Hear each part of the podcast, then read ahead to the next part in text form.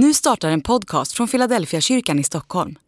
Om du vill komma i kontakt med oss, skriv gärna ett mejl till hejfiladelfiakyrkan.se.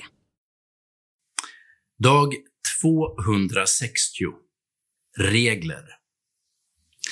Hela berättelsen om Jairus och hans dotter är en berättelse om hur vi delar upp människor. På Jesu tid byggde uppdelningen på det man kallar rent och orent.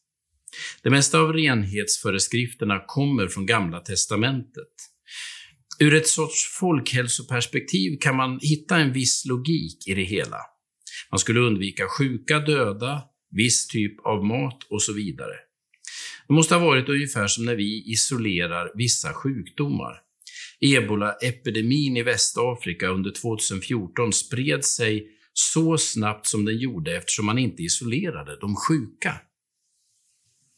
Eftersom hela sjukvårdssystemet i de drabbade länderna var så dåligt redan innan epidemin bröt ut, var alla inställda på att ta hand om de sjuka i hemmet. Men skillnaden mellan att vi isolerar svåra sjukdomsfall och att man blev förklarad oren på Jesu tid är att vi fortsätter att betrakta den sjuke som sjuk medan man på Jesu tid såg den sjuke som oren och utstängd från den andliga gemenskapen.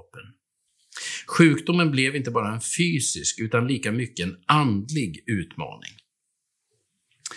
De flesta av oss delar in människor i olika kategorier av olika skäl.